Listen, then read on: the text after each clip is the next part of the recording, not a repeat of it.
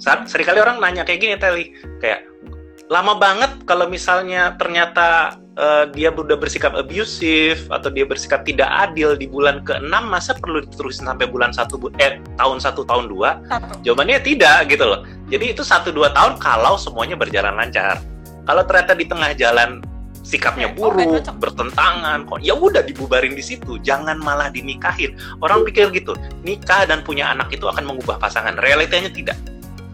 Realitanya tidak demikian. Nikah iya, dan punya anak itu tidak bikin pasangan berubah jadi dewasa. Yang jadi berubah jadi dewasa cuma secuil, sedikit. Itu kisah-kisah yang ada di film-film biasanya, sedikit aja gitu. Mayoritas iya, iya, laki-laki terutama Iya, mayoritas laki-laki yang sebelum menikah tidak bertanggung jawab, setelah menikah biasanya akan makin parah karena relasi kuasanya makin jauh. Iya. Iya kan? Relasi kuasa makin jauh.